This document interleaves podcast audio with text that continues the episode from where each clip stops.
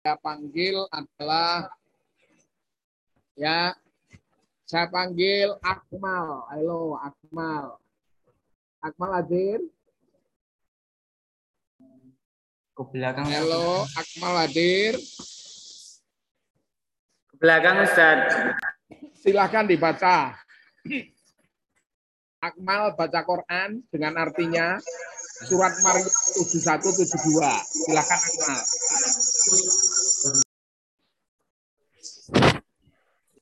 Halo Akmal. Eh, bisa baca Quran surat 19 7172 dibaca dengan maknanya. Lagi dicari Ustaz ah, suratnya ini lagi dibuka.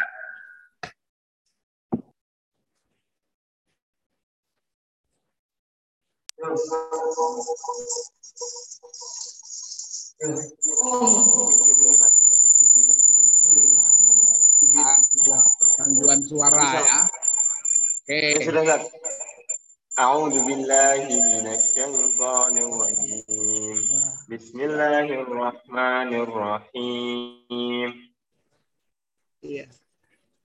Gimana Dek, cara menjelaskan suara? Oh, Kak, ini di sini, tapi itu nggak mungkin.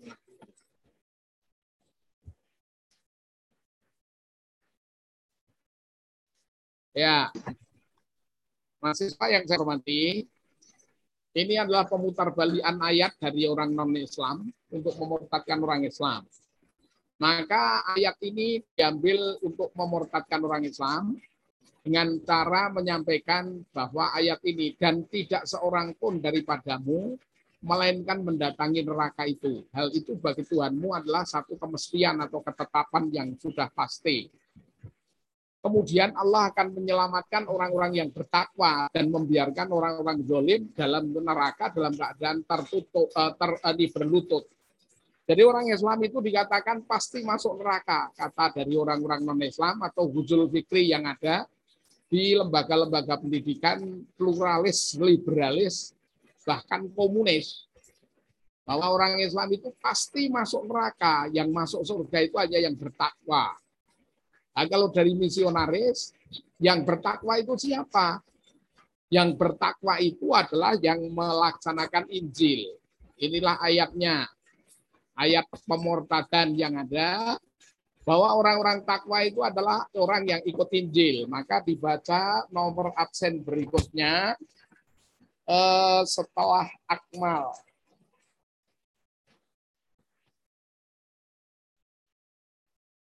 Hello absen setelah akmal itu adalah eh, setelah akmal adalah amanah. Halo amanah. Baca. Afan Ustaz, amanah itu putri Ustaz. Oh, amanah enggak ini ya? Eh, Amir, oh, oh, putri ya? Ya itu putri Ustaz. Ya. Hikmatul eh, Ahmad Rizki. Oh, ya, bentar. Jadi eh, pertama dari UMY. Dari UMY itu adalah eh, Kemal Mubarok tadi sudah. Ahmad Rizki. Halo. Ahmad Rizki. Hadir? Sudah Ustaz. Ya. Baca suratnya surat Al-Maidah 46. Rizky sudah baca Ustaz. Gimana? Sudah baca Ustaz Rizky. Oh ya. Bawahnya baca silakan. Dimas. Saya sudah baca Ustaz. Mulai dari kanugrahan Ustaz. Sekarang kanugrahan Ustaz. Al-Maidah ayat 46. Ya Ustaz, kanugrahan Ustaz sekarang Ustaz. Ya. Ini karena sini hujan deras itu suara nggak jelas. Suara nggak jelas. Tapi kalau suara saya bisa jelas didengar, mahasiswa. Jelas Ustaz. Jelas Ustadz. Silakan baca salah satu. Kalau nggak ini, eh, kalau nggak hadir, baca surat 5 ayat 46 dengan arti.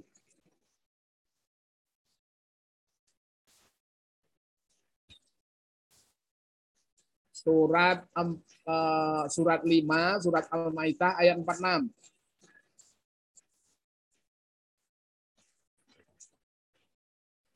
Ya, salah satu A'udzu billahi minasyaitonir. Bismillahirrahmanirrahim. Wa qaffayna ala atharihim بعيسى بن مريم مصدقا لما بين يديه مصدقا لما بين يديه من التوراه وآتيناه الإنجيل فيه هدى ونور ومصدقا لما بين يديه من التوراة وهدى وموعظة للمتقين. Artinya, dan kami teruskan jejak mereka dengan mengutus Isa putra Maryam membenarkan kitab yang sebelumnya yaitu Taurat dan kami menurunkan Injil kepadanya. Di dalamnya terdapat petunjuk dan cahaya dan membenarkan kitab yang sebelumnya yaitu Taurat dan sebagai petunjuk serta pengajaran untuk orang-orang yang bertakwa. Ya, santri yang saya hormati, santri mahasiswa UMY dan UAD yang saya hormati, orang-orang non-Islam mengatakan, dan kami iringkan jejak mereka, Nabi-Nabi Bani Israel, dengan Isa Putra Maryam, yang membenarkan kitab sebelumnya, yaitu kitab Taurat. Dan kami telah memberikan kepadanya kitab Injil, sedang di dalamnya ada petunjuk dan cahaya yang menerangi. Dan membenarkan kitab sebelumnya, yaitu kitab Taurat, dan menjadi petunjuk serta pengajaran bagi orang bertakwa jadi orang bertakwa itu adalah mereka mengatakan orang bertakwa kalau ingin masuk surga, orang Islam ini harus ikut Injil. Itu cara memurtadkan orang Islam begitu. Jadi orang bertakwa itu adalah pengikut Injil, sedang orang Islam itu pasti masuk neraka. Maka kalau kamu ingin masuk surga, harus ikut Injil. Kalau ikut, ikut Injil berarti kalian harus jadi orang Kristen. Nah, begitu cara kristenisasi putar balik ayat-ayat Quran. Untuk nomor selanjutnya, silahkan dibaca surat yang ke-10 ayat 94. Mahasiswa santri berikutnya baca surat 10 ayat 94. Quran surat 10 ayat 94. Oke, dibaca berikutnya. A'udzu billahi minasyaitonir rajim. Bismillahirrahmanirrahim. فإن كنت في شك مما أنزلنا إليك فاسأل فاسأل الذين يقرؤون الكتاب من قبلك Laqad ja'akal haqqu min rabbika fala takunanna minal mumtarin.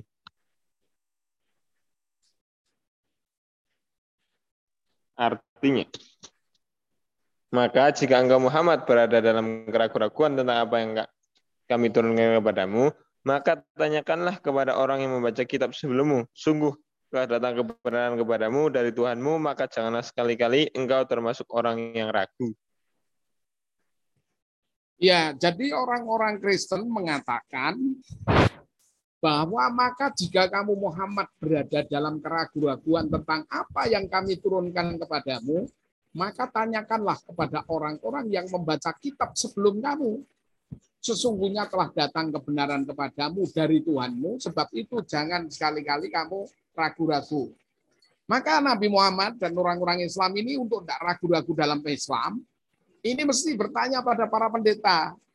Sehingga sekolah-sekolah pendidikan Islam, oh, misalnya UFJ, UII, UIN itu mestinya mendatangkan para oh, profesor, doktor, pendeta, atau dari lembaga pendidikan teologi yang ada. Sehingga banyak kaitan yang ada di uh, UIN misalnya, itu mengundang profesor dari Duta Wacana atau dari Satya Wacana atau sekolah pendeta atau dari sekolah teologi di Jalan Kaliurang sana. Nah, itu adalah cara mereka memurtadkan orang-orang Islam. Itu cara yang ada begitu. Sampai perguruan tinggi perguruan tinggi Islam itu mengundang dosen terbang, eh, dosen panggilan dari sekolah-sekolah eh, profesornya non Muslim. Itu karena surat Yunus ini menyampaikan kalau kamu ragu-ragu tanya pada eh, orang-orang rohib-rohib mereka yang membaca kitab-kitab suci yang ada yaitu kitab uh, Injil tadi. Inilah cara-cara penyesatan yang ada. Padahal ayat ini sebenarnya umat Islam ini tidak usah ragu-ragu akan datangnya Nabi Muhammad itu telah disampaikan para pendeta yang benar dulu. Pendeta Bakhiro misalnya. Nah, Salman Al-Farisi misalnya. Oleh karena itu, para mahasiswa mesti lebih tahu dalam hal ini kaitannya dengan oh, kalau Quran tafsirnya kalian baca tafsir Al-Manar misalnya. Kalau untuk pembanding yang ada juga Quran dari Muhammad Talib yang dulu menjadi asisten dosen Quran di UII dulu. Eh, bukunya Qurannya dicetak oleh Majelis Mujahidin Indonesia. Nah, itu untuk pembanding yang ada. Demikian nanti untuk dijadikan kajian. Karena orang Islam ini masuk surganya hanya ragu-ragu. Mereka mengatakan begitu. Nabi Muhammad itu dan umat Islam ini masih baca ikhdinas siratal mustaqim. Ikhdinas siratal mustaqim ini tunjukkan jalan lurusmu. Berarti kamu atau Muhammad dan orang Islam ini tidak tahu jalan lurus. Nah, sehingga orang Islam mesti Eh, bertanya kepada Nasrani, jadi yang memiliki jalan lurus itu adalah Yesus dalam bahasa Alkitabnya. Hal ini maka mahasiswa yang sudah bisa eh, download Alkitab membaca eh, ini Injil Yohanes pasal 14 ayat 6. Sekali lagi, mahasiswa yang sudah mendownload Alkitab baik versi Katolik atau versi Kristen, itu membuka Yohanes pasal 14 ayat 6. Dipersilakan salah satu mahasiswa membaca Injil Perjanjian Baru, Yohanes pasal 14 ayat yang ke-6. Oke, siap mahasiswa? Yang sudah ketemu baca. Silakan. Yohanes pasal 14 ayat 6.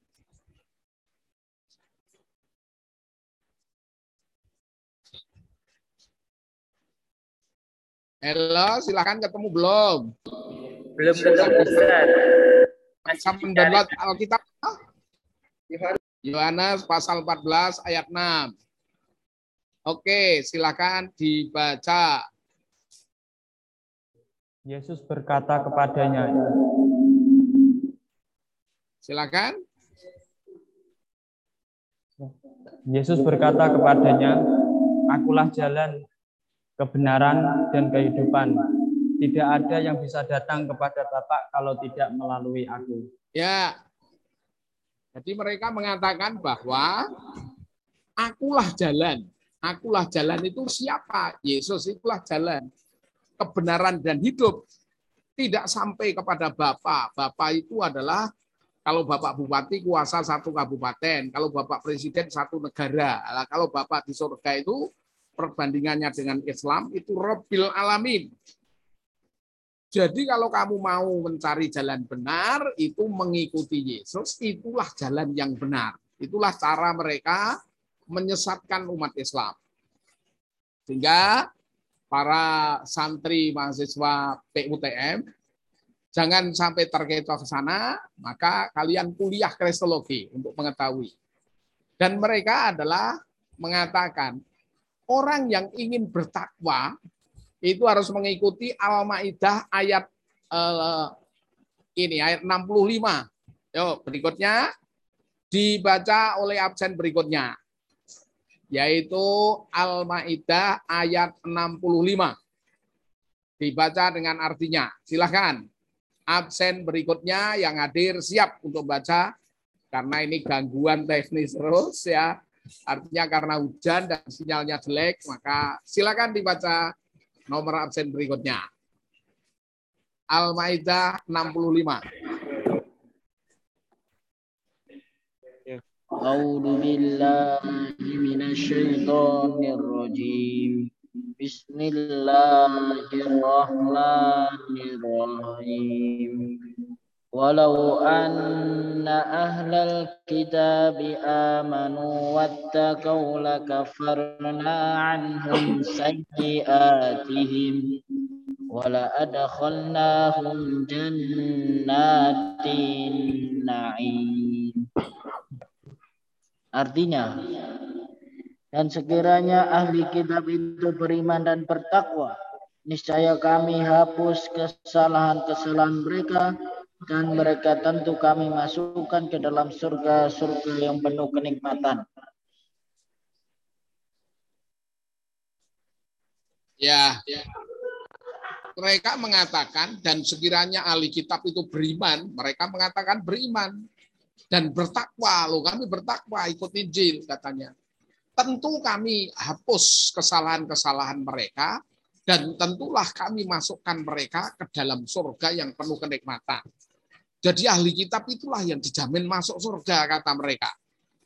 Sehingga dosen-dosen pluralis liberalis itu mengatakan Quran surat Al-Maidah ayat 69 Sabiin, Yahudi, Nasrani itu semua nanti akan masuk surga. Orang-orang beriman itu ya Islam, kemudian Yahudi, kemudian Nasrani, bahkan Sabiin itu semua akan masuk surga. Sehingga dia bilang pluralis liberalis. Kamu jangan berpegang pada inadina dalil Islam, hanya Islam agama yang benar. Sehingga kamu ini menjadi teroris atau orang-orang yang tidak benar, kata mereka begitu. Maka kita harus mempelajari nanti materi kristologi bagaimana mengcounter mereka berdasarkan Alkitab, juga berdasarkan Al-Quran, juga berdasarkan hadis, namanya dalil nakli. Nah, nanti secara akli seluruh mahasiswa mesti eh, ini secara akal itu kaidah ilmiah itu harus bisa menjawab apa, siapa, mengapa, kapan, di mana, bagaimana, berapa, dan seterusnya. Itulah kaidah dalil akli. Maka nanti seluruh mahasiswa kemarin sudah saya beritahu wajib mendownload hujatan-hujatan dari para murtadin. Murtadin yang lebih wajib di ini di antaranya Saifuddin Ibrahim, kader Muhammadiyah, pernah jadi kepala sekolah SMA Muhammadiyah, bahkan memegang pesantren Muhammadiyah, juga memegang pesantren eh, di Az-Zaitun. Dia mengajarkan ilmu Quran, tapi dia murtad. Nah, itu yang paling tidak seluruh mahasiswa. Kemarin sudah saya beri tugas. Tugas yang tidak kalah pentingnya seluruh mahasiswa mesti mendownload hujatan-hujatan dari para murtadin orang-orang yang murtad di-download. Setelah itu nanti dijawab dengan ilmu yang saya ajarkan. Dengan ilmu kristologi yang ada. Juga nanti jawab yang ada bisa dilengkapi dengan YouTube-YouTube yang lain Misalnya yang internasional dari Zahir Naik, kemudian Ahmad Didat. Yang nasional beberapa dari murid-murid saya. Ada yang murid saya dari Jakarta itu Munjir Situmorang. Itu murid saya angkatan pertama kajian kristologi di Jakarta. Berikutnya Mega Fitri. Mega Fitri itu sekretaris dari gereja di kota Purworejo yang tak Islamkan. Dulu dia advokat di Jogja dia oh, sering isi ngaji juga. Lah atau juga dari Irina Handono, rekan saya, eh, juga dari Insan Mokoginta, oh, dan banyak lagi nanti. Eh, kalau dari Jawa Timur itu adalah dari eh, Masjid Al Falah sana. Saya dulu punya sahabat kristolog dari Jawa Timur, namanya Abdullah Wasian.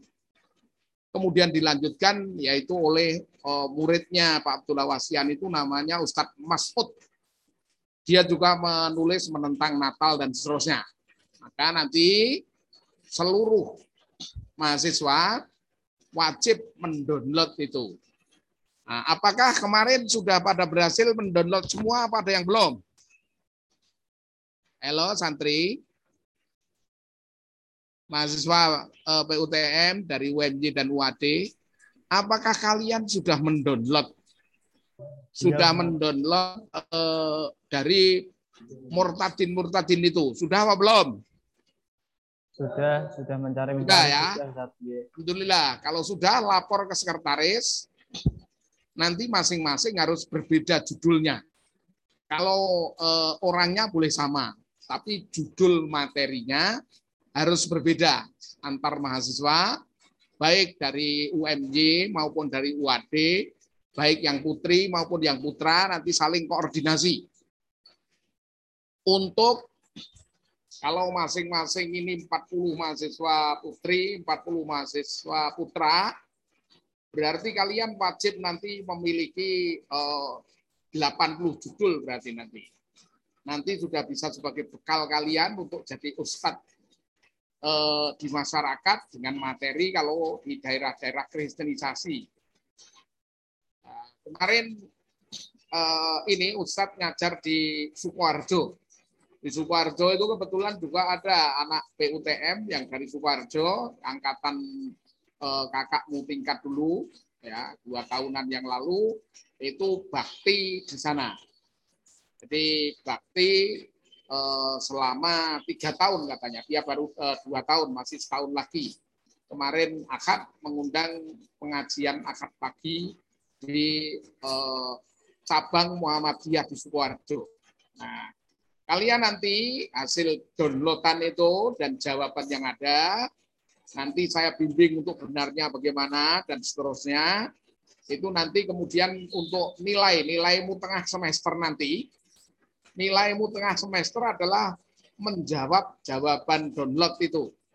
Yang nilai semester nanti menyempurnakan jawaban Insya Allah nanti akan saya beri informasi-informasi bagi mahasiswa atau mahasiswi yang ada kesulitan secara langsung untuk eh, ketemu saya itu kalian bisa hadir di Masjid Nogotirto, Masjid Al Amanah. Masjid Al Amanah, Perum Nogotirto 5, eh, Masjid Al Amanah itu, kemudian rumah saya di eh, ini di Jalan Cucut nomor 12.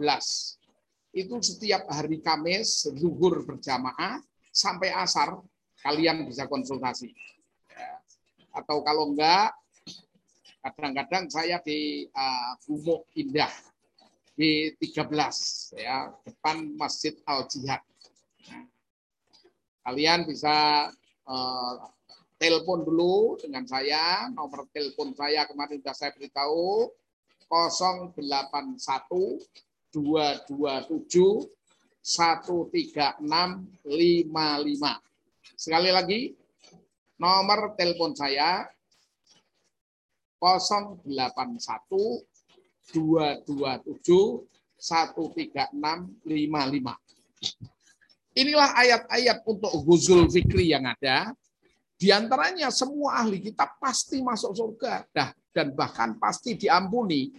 Ini adalah kristenisasi di uh, YouTube di kalangan-kalangan ilmiah bahkan nanti termasuk dosen-dosen perguruan tinggi Islam atau dari pesantren itu bisa mendapat beasiswa S2 atau S3 di luar negeri dari negara-negara yang oh, memang mereka mendidikan perguruan tinggi bahkan secara internasional ya contoh pemikiran bisa rusak nanti misalnya nggak kuat betul landasan dalil nakli dan dalil aklinya itu misalnya kuliah di McGill ya.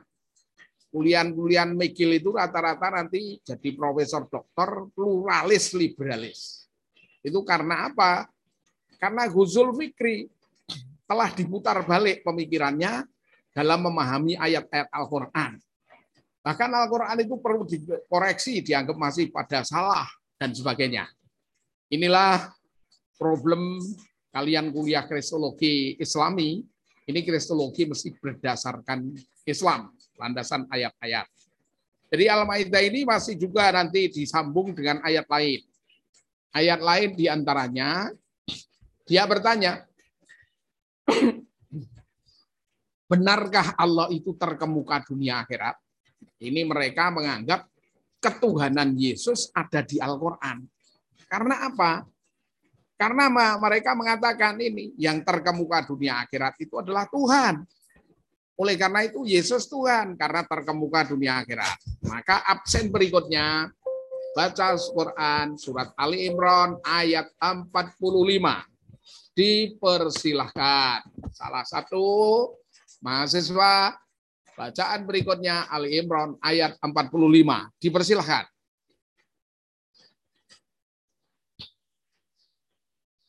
Halo, mahasiswa. Baca Quran surat Ali Imran ayat 45 dengan artinya.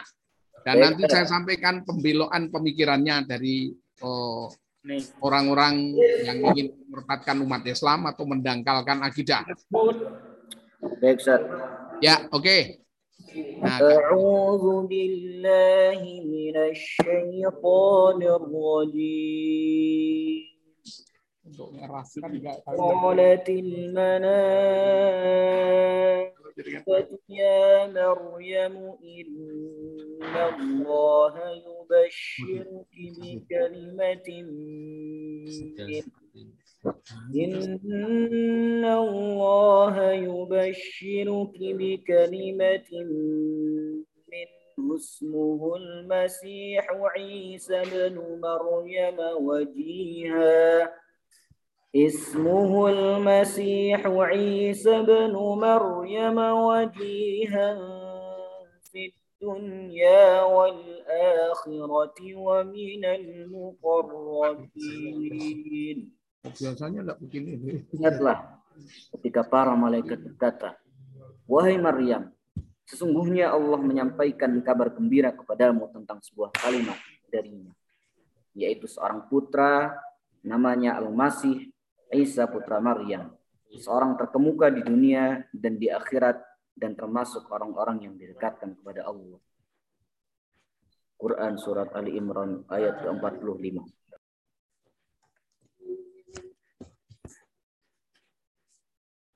Ya. Artinya dibaca kembali. Coba artinya. Artinya dibaca kembali, Nak. Ingatlah ketika para malaikat berkata, Wahai Maryam, sesungguhnya Allah menyampaikan kabar gembira kepadamu tentang sebuah kalimat firman darinya, yaitu seorang putra bernama Al-Masih Isa putra, putra Maryam, seorang terkemuka di dunia dan di akhirat dan termasuk orang-orang yang didekatkan kepada Allah. Ya. Jadi kaitannya ayat itu adalah bagaimana mereka mengatakan bahwa Isa itu terkemuka dunia akhirat. Wajian bid dunya wal akhirah wa minal muqarrabin. Jadi Isa itu terkemuka di dunia dan terkemuka di akhirat. Maka terkemuka dunia dan terkemuka akhirat itu adalah yang terkemuka dunia akhirat itu adalah Allah. Maka ketuhanan Yesus itu ada di Quran karena Isa wajihan bid dunya wal akhirah wa minal muqarrabin. Itulah alasan mereka menganggap Isa itu adalah Tuhan. Khususnya yang paling termasuk betul itu pendeta Bambang Nurseno. Pendeta Bambang Nurseno itu adalah eh, dosen yang kaitannya dengan materi-materi Islamologi. Nah, inilah santri harus berhati-hati dalam memahami nanti dan mesti bisa menjawab dengan dalil nakli dan dalil akli. Selanjutnya dalam pemurtadan yang ada ini, mereka juga menyampaikan lagi bahwa yang tahu kiamat itu hanya Allah. Maka absen berikutnya siap. Yang tahu kiamat itu hanya Allah. Itu ada di Quran surat Luqman, surat 31 ayat 4. Nah, maka absen berikutnya siap-siap untuk membaca surat yang ke-31 ayat 34. Silakan mahasiswa santri membaca surat eh, ini surat Luqman ayat 34. Dipersilahkan. A'udzu billahi minasy syaithanir rajim. إن الله عنده علم الساعة وينزل الغيث ويعلم ما في الأرحام وما تدري نفس ماذا تكسب غدا وما تدري نفس بأي أرض تموت إن الله عليم خبير Sesungguhnya Ya. hanya di sisi Allah Maknanya. tentang hari kiamat. Dan dia yang menurunkan hujan dan mengetahui apa yang ada dalam rahim. Dan tidak ada seorang pun yang dapat mengetahui apa yang akan dikerjakannya besok. Dan tidak ada seorang pun yang dapat mengetahui di bumi, di bumi mana dia akan mati. Sungguh Allah maha mengetahui, maha mengenal. Ya. Jadi mereka mengatakan yang tahu ilmu kiamat kan hanya Allah. Padahal Nabi Isa atau Yesus itu tahu ilmu kiamat. Dia mengambil eh, Quran dari terjemah Saudi. Eh, juga kaitannya terjemah Departemen Agama. Bahwa kaitannya yang tahu kiamat itu hanya Allah. Padahal Isa atau Yesus mengajarkan kiamat. Berarti Yesus itu Allah. Itulah mereka berargumentasi demikian. Maka kita bisa lihat kaitannya Quran surat 43 ayat 61. Siap-siap eh, surat 43 ayat 61. Absen berikutnya siap untuk membaca. Yang tahu kiamat itu hanya Allah, ternyata Isa adalah sebagai tanda-tanda kiamat, bahkan ada yang diartikan di Departemen Agama itu Isa adalah mengajarkan ilmu kiamat. Berarti Isa adalah Allah, kata mereka begitu. Oke, silakan absen berikutnya dibaca surat Az-Zukhruf surat 43 ayat 61. Dipersilakan. أعوذ بالله من الشيطان الرجيم. وإنه لعلم للساعة فلا تمترن بها واتبعون.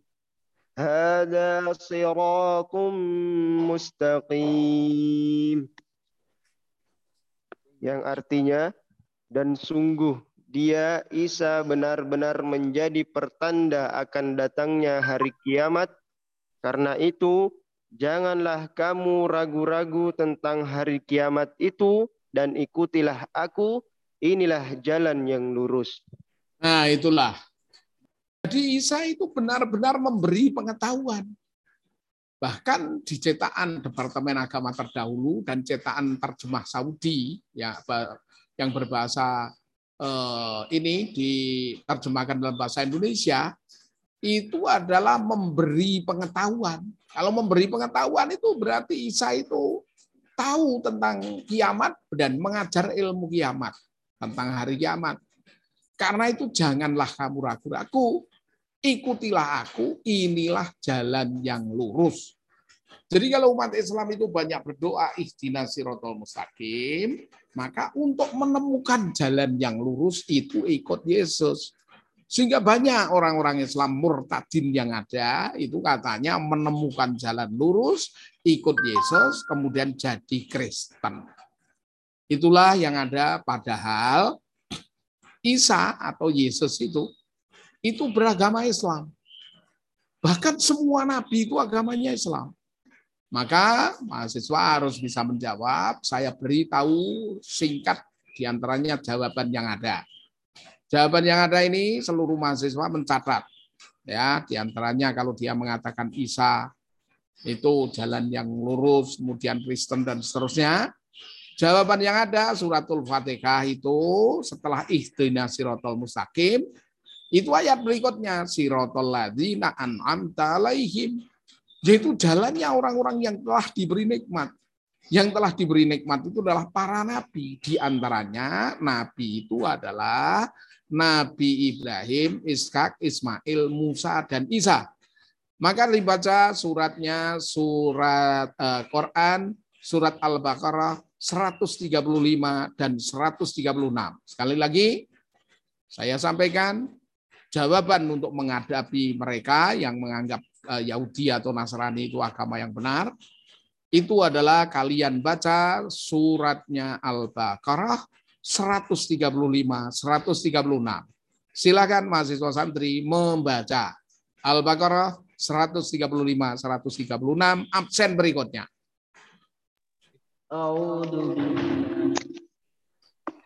A'udzu billahi minasy syaithanir rajim.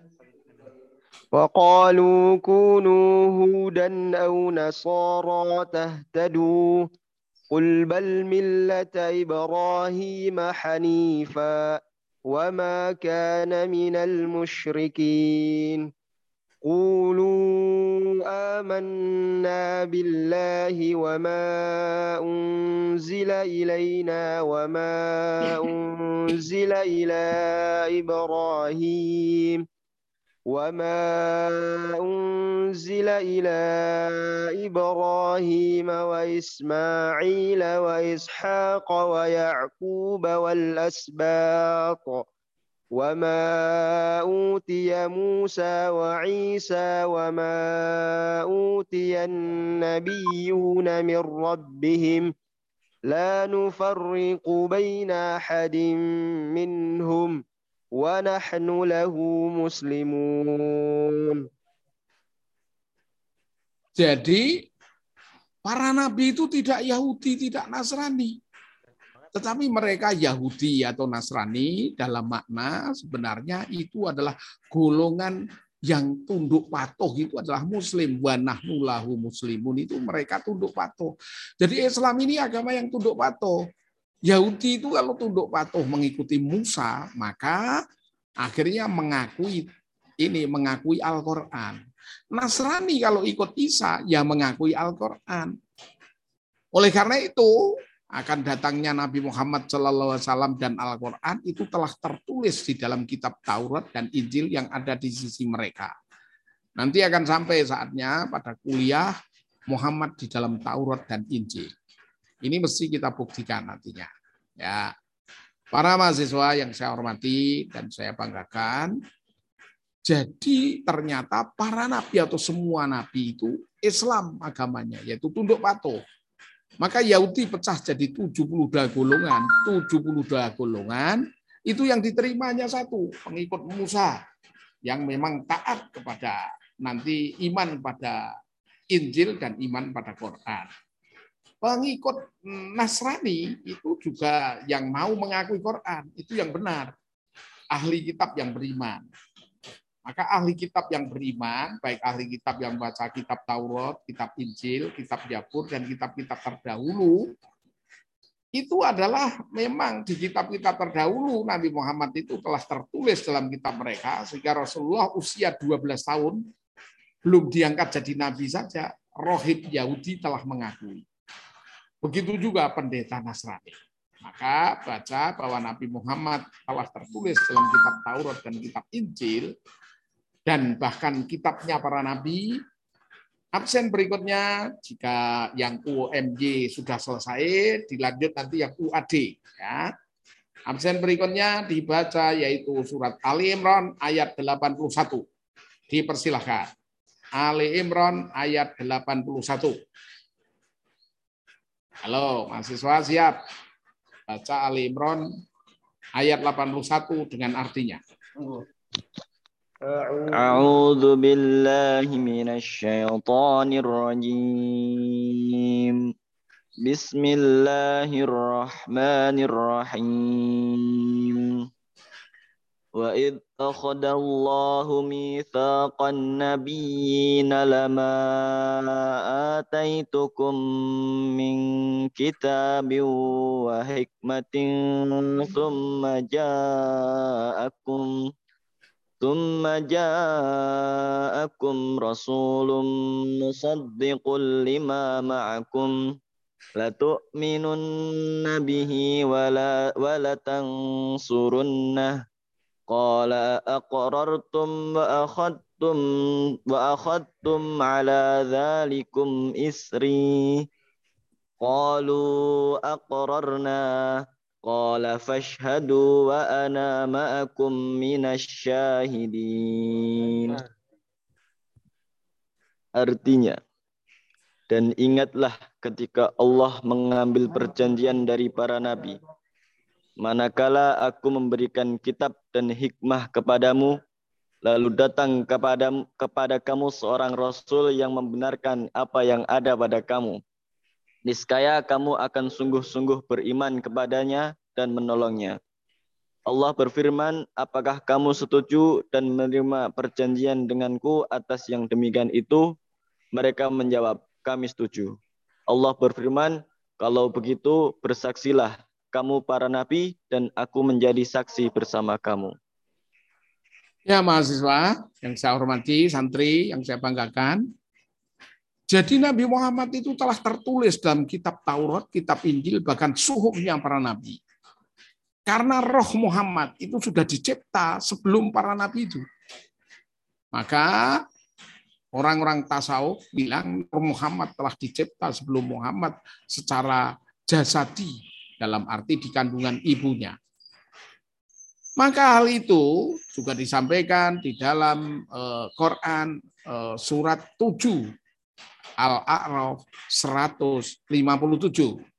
Ya, para santri mahasiswa, ini mundur sebentar karena tadi error, mundur sebentar apa semua santri ikhlas? Siap? Siap, Ustaz. Nah, harusnya kan jam 7 selesai karena tadi agak error, hujan dan sebagainya, nggak jelas suara dan seterusnya. Ini agak mundur sedikit ya. Nanti sebentar setelah selesai beberapa ayat Nabi Muhammad dalam uh, kitab Quran. Nanti kita buktikan bahkan sampai suhubnya para nabi, kitab Zabur, kitab Taurat, kitab Injil dalam kitab itu ada Nabi Muhammad dan ada janji akan datangnya Quran sebagai kitab penyempurna. Maka baca lagi surat 7 ayat 157. Dipersilakan absen berikutnya surat 7 ayat 157.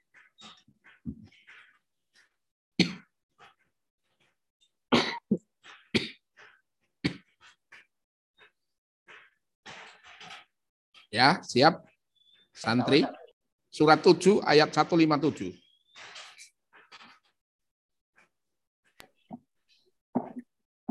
Al-A'raf 157.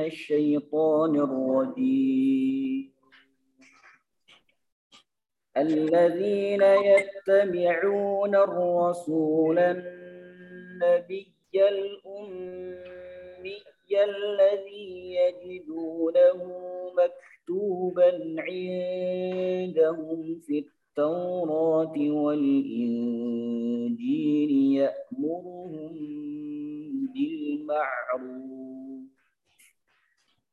يأمرهم بالمعروف وينهاهم عن المنكر ويحل لهم الطيبات ويحرم عليهم الخبائث ويضع عنهم إصرهم ويضع عنهم إصرهم والأغلال التي كانت عليهم. فالذين آمنوا به وعزروه ونصروه واتبعوا النور الذي أنزل معه أولئك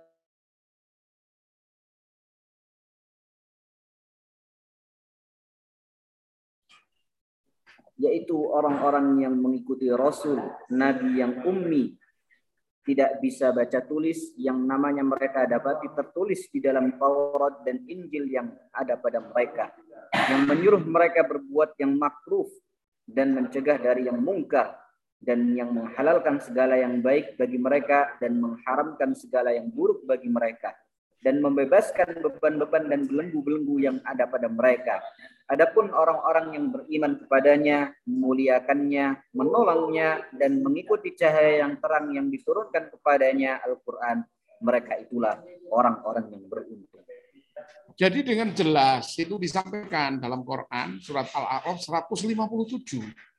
bahwa Nabi Muhammad itu tertulis dalam Taurat dan Injil yang ada di sisi mereka. Maka para mufasir jarang yang menerangkan Muhammad di Taurat surat apa, ayat berapa, bunyinya bagaimana.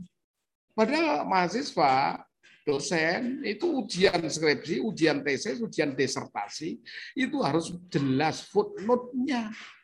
Maka seluruh mahasiswa santri mesti tahu Muhammad di Taurat surat apa ayat berapa, di Injil surat apa ayat berapa, di kitab Yakub surat apa ayat berapa, yang ada di sisi mereka. Nah, insya Allah kita nanti akan kajian itu. Dan ayat terakhir yang dibaca pada pagi hari ini adalah Quran surat 61 ayat 6. Nabi Isa pun menjanjikan akan datangnya Nabi Muhammad Shallallahu Alaihi Wasallam. Maka absen berikutnya yang belum baca silahkan dibaca surat 61 ayat 6 dipersilahkan.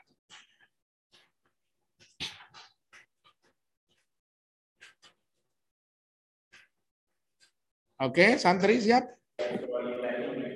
Surat 61 ayat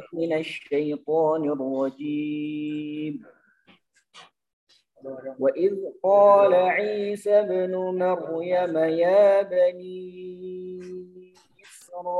إسرائيل إني رسول الله إليكم مصدقا إني رسول الله إليكم مصدقا لما بين يدي من التوراة ومبشرا برسول ومبشرا برسول يأتي من بعد اسمه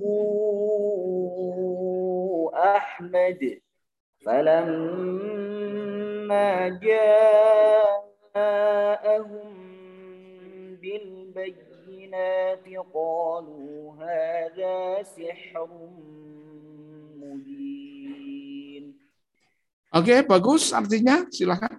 Dan ingatlah ketika Isa putra Maryam berkata, Wahai Bani Israel, sesungguhnya aku adalah utusan Allah kepadamu yang membenarkan kitab yang turun sebelumku, yaitu Taurat dan memberi dan memberi kabar gembira dengan seorang rasul yang akan datang setelahku, yang namanya Ahmad. namun ketika rasul itu datang kepada mereka dengan membawa bukti-bukti yang nyata, mereka berkata, ini adalah sihir yang nyata.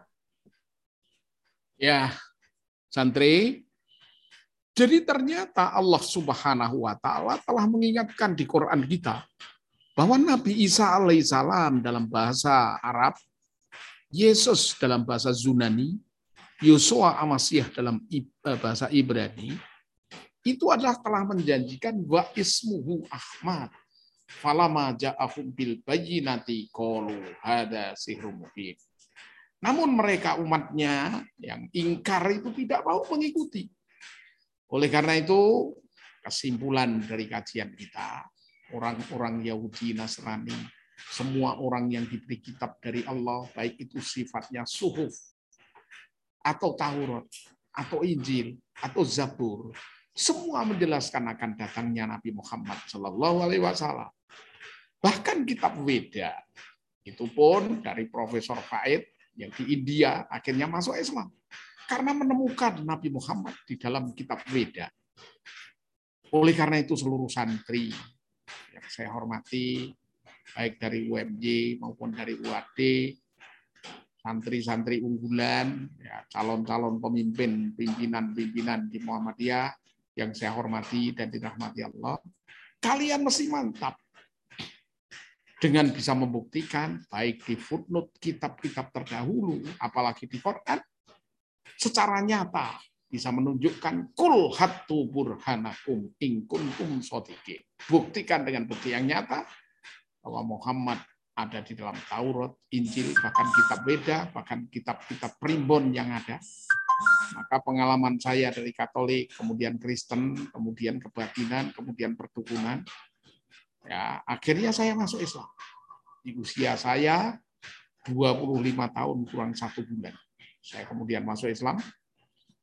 Walau saya dulu sudah punya ijazah dua, ijazah saya perguruan tinggi dulu kemaritiman dan BPA Sospol UGM. Saya masuk Islam, ya saya kuliah lagi. Mesantren dulu di Cirebon, ya, dialog terakhir saya dengan Profesor Dr. Anwar Musadar. Akhirnya saya masuk Islam, kemudian disuruh ngaji di Cirebon sana di pesantren Barat Keraton Cirebon. Kiai saya Ayub Muhammad kemudian untuk belajar bela diri dulu karena uh, bukan di Muhammadiyah, dulu saya belajar bela dirinya di pesantren Buntet di Cirebon. Nah, setelah itu saya nyantri, kemudian saya bertanya tentang mana Muhammad dalam Taurat, Injil dan sebagainya. Ustadznya tidak tahu, saya kemudian disuruh daftar kuliah lagi di IAIN. Maka berikutnya saya kuliah di IAIN Cirebon, yaitu Gunung Jati, tapi cabang Cirebon. Setelah itu saya kemudian melanjutkan eh, di UIN Yogyakarta dan selanjutnya saya melanjutkan di UG, eh, di eh, UMJ di psikologi Islam. Ya. Yang berikutnya saya diminta untuk mengampu mata kuliah Kristologi Islami ini. Untuk para santri, ternyata orang-orang yang memang memang benar-benar beriman itu harus betul-betul ahli kitab yang beriman harus beriman pada Quran dan Nabi Muhammad SAW, itulah ahli kitab yang boleh dinikah. Yaitu surat Al-Ma'idah ayat 68 sebagai kesimpulan di pagi hari ini. Tolong dibaca oleh santri uh, eh, UAD. Ya, UAD nomor satu, nah, silakan baca. Santri UAD. Ya, silakan santri dari uh, eh, PUTM dari UAD kelas B Silakan baca yaitu surat Al-Maidah ayat 68. Dipersilakan dibaca dengan artinya. Halo, PUTM UAD siap? Siap, Ustaz. Ah, Oke, okay, bagus. Ya. ya silakan baca salah satu surat Al-Maidah 68. Ya الكتاب لستم على شيء حتى تقيموا التوراة والإنجيل وما أنزل إليكم من ربكم وليزيدن كثيرا منهم ما أنزل إليك من ربك ما أنزل إليك من ربك طغيانا وكفرا. تأس qaumil kafirin. Artinya, katakanlah Muhammad, wahai ahli kitab, kamu tidak dipandang beragama sedikit pun sehingga kamu menegakkan ajaran-ajaran Taurat, Injil, dan Al-Quran yang diturunkan Tuhanmu kepadamu dan apa yang diturunkan Tuhanmu kepadamu pasti akan membuat banyak di antara mereka lebih durhaka dan lebih ingkar. Maka janganlah engkau berputus asa terhadap orang-orang kafir itu. Ya begitulah santri. Ahli kitab yang benar adalah ahli kitab yang beriman kepada kitab-kitab terdahulu. Berikutnya yaitu beriman kepada Al-Quran dan beriman pada Rasulullah Nabi kita Muhammad Shallallahu Alaihi Wasallam. Itulah ahli kitab yang boleh kamu nikah, yang boleh dinikah. Itu yang sungguh-sungguh masuk Islam. Kemudian dia ahli kitab yang beriman itu berpegang kepada Taurat Allah, suhufnya Allah, Injil Allah, dan berpegang kepada Quran sebagai kitab paripurna yang menyempurnakan kitab-kitab sebelumnya, bahkan mengoreksi, bahkan untuk bisa menerangkan dari kitab Taurat, kitab Injil, kitabnya para nabi. Maka Quran yang turun di bulan Ramadan, sahru Ramadan alladzi unzila fil Quran hudalinas wa bayyinati minal huda wal furqan. Jadi Quran itu menjelaskan kitab-kitab terdahulu. Mana kitab terdahulu yang dirubah, mana yang ditambah, mana yang dikurangi, mana yang disembunyikan, dan mana yang masih asli. Itu Quran sebagai standar untuk eh, kebenaran itu. Sehingga kita umat Islam ini mesti iman pada kitab-kitab terdahulu. Ah, kitab terdahulu yang diimani mana? Yang tidak bertentangan dengan Quran. Kalau yang bertentangan berarti itu bukan dari Allah. Itu hasil tulisan penggantian atau perubahan yang dibuat oleh rohib-rohib, para pemimpin-pemimpin yang jahat. Bukan hanya Undang-Undang Dasar 45 atau Pancasila yang diganti. Bahkan kitab Taurat, kitab Injil, kitabnya para nabi diganti sebagian. Tapi tidak semuanya. Sehingga kita Rasulullah ditanya oleh sahabat Nabi, Bagaimana sikap kita dalam beriman pada kitab-kitab terdahulu di surat An-Nisa ayat 136? Tetaplah kamu beriman pada kitab-kitab terdahulu. Berarti tetap beriman. Yang diimani tetap itu mana? Yang benar Injil Allah, Taurat Allah, dan kemudian kitab-kitab dari Allah Ta'ala yang diberikan pada para nabi. Namun semua itu, kesempurnaan kitab-kitab suci adalah di dalam Al-Quran. Itulah santri yang saya hormati dan saya banggakan. Sehingga dalam pengembaraan pencarian kebenaran, saya semula dari Katolik, aktivis misionaris Katolik, kemudian di Kristen, kemudian di kebatinan, dan saya di kebatinan resmi di wisuda di depan keraton Jogja sana, ya di Sono Budoyo, ya dan berikutnya di perdukunan metafisika Jawa dengan uh, ajian jaran goyang semar mesem dan sebagainya itu ada di kitab Umbul Tungo yang akhirnya saya bertobat kemudian masuk Islam. Untuk itu seluruh santri yang saya hormati, mudah-mudahan bisa dipahami. Kalau nanti ingin jumpa lebih mendalam lagi, bisa silaturahim di saya jika kemis begitu duhur sampai dengan asar. Kalau enggak ya mudah-mudahan nanti segera bebas dari COVID, bisa kuliah langsung sehingga kita akan lebih paham semua. Sekian yang saya sampaikan kuliah di pagi hari ini. Mohon maaf pada para mahasiswa karena ternyata tadi saya buka eh, internet tak connect kemudian juga tidak jelas karena diiringi dengan cuaca dan hujan yang deras. Semoga berikutnya akan lebih bagus lagi sehingga bisa lebih jelas di dalam kuliah. Mari kita tutup kuliah kita dengan kalian mengikuti doa dari saya semuanya. Mudah-mudahan para mahasiswa bisa memahami yang benar, menegakkan yang benar, menjauhi yang salah, dan berikutnya kalian menjadi pimpinannya orang-orang bertakwa di masa mendatang. Mari doa penutup ikut artinya. A'udzu billahi minasyaitonir rajim. A'udzu billahi minasyaitonir rajim. Aku berlindung kepada Allah dari godaan setan yang terkutuk. Aku berlindung kepada Allah dari godaan setan yang terkutuk. Bismillahirrahmanirrahim.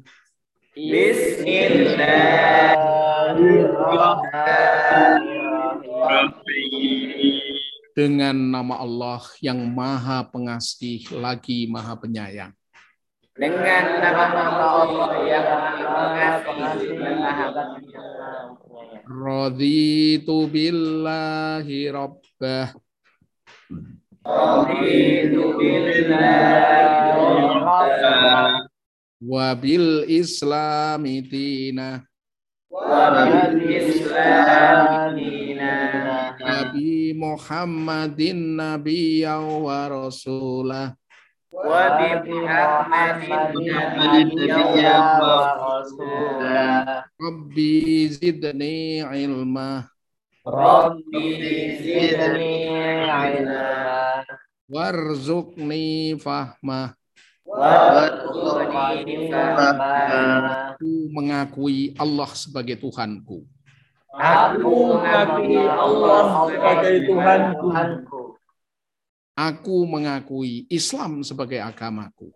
Aku mengakui Islam sebagai agamaku. Aku mengakui Nabi Muhammad sebagai Rasulku. Aku mengakui Nabi Muhammad sebagai Rasulku. Ya Allah, tambahkanlah ilmu kepadaku Ya Allah, tambahkanlah ilmu pada Ya Allah, berikan kami rizki yang berupa kefahaman ilmu.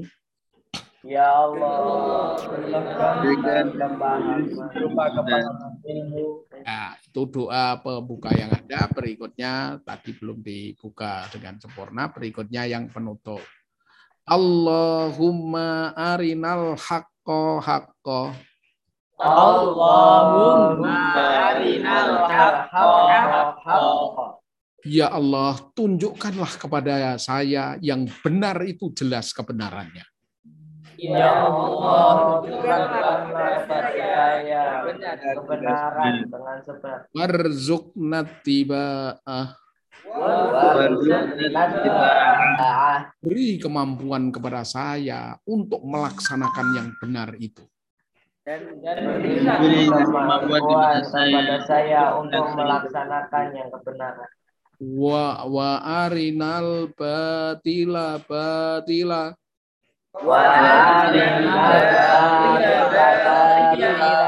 Ya Allah, tunjukkanlah kepada saya yang jelas itu jelas kesalahannya. Ya Allah, tunjukkanlah kepada saya Warzuqna jinabah. Ya Allah, beri kemampuan saya untuk meninggalkan yang salah itu. Ya Ya Allah, berikanlah kemampuan kepada saya untuk meninggalkan yang salah. salah. Amin. Amin. Ya Allah, kabulkanlah doa dan permohonan kami. Ya Ya Allah, kabulkanlah doa dan permohonan. Sekian dan demikian para mahasiswa yang saya hormati, saya cintai, saya banggakan. Semoga kalian sukses, bisa memahami, jadi pemimpinnya orang-orang bertakwa di masa yang akan datang. Kalau perlu nanti segera kalian bisa menggantikan pejabat-pejabat di masa mendatang, sehingga kalian akan membawa negeri ini kepada negeri yang baldatun toyibatun warahun kafur. Mari kita tutup dengan penutup majelis bersama-sama. Subhanaka.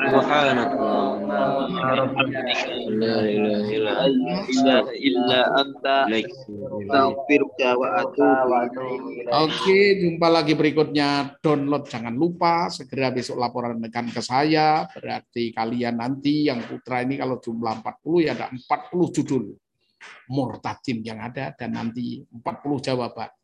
Dari yang putri nanti 40 berarti kalian akan mempunyai flash disk bisa untuk ngaji menjadi ustadz kristologi dengan paling tidak 80 judul. Demikian.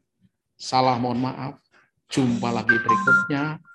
Ya, ittaqullah haqqatuqati wala tamutuna illa wa antum muslimun. Jangan mati kecuali dalam perjuangan iman Islam hingga akhir hayat. Wabillahi taufiq wal hidayah. Nasru minallah wa fatun qarib. Assalamualaikum warahmatullahi wabarakatuh. Waalaikumsalam warahmatullahi wabarakatuh. Jazakallah khairan Ustaz. Ah, cek Allah, alhamdulillah. Makasih ya, Tia. Direpoti jenengan ya Allah.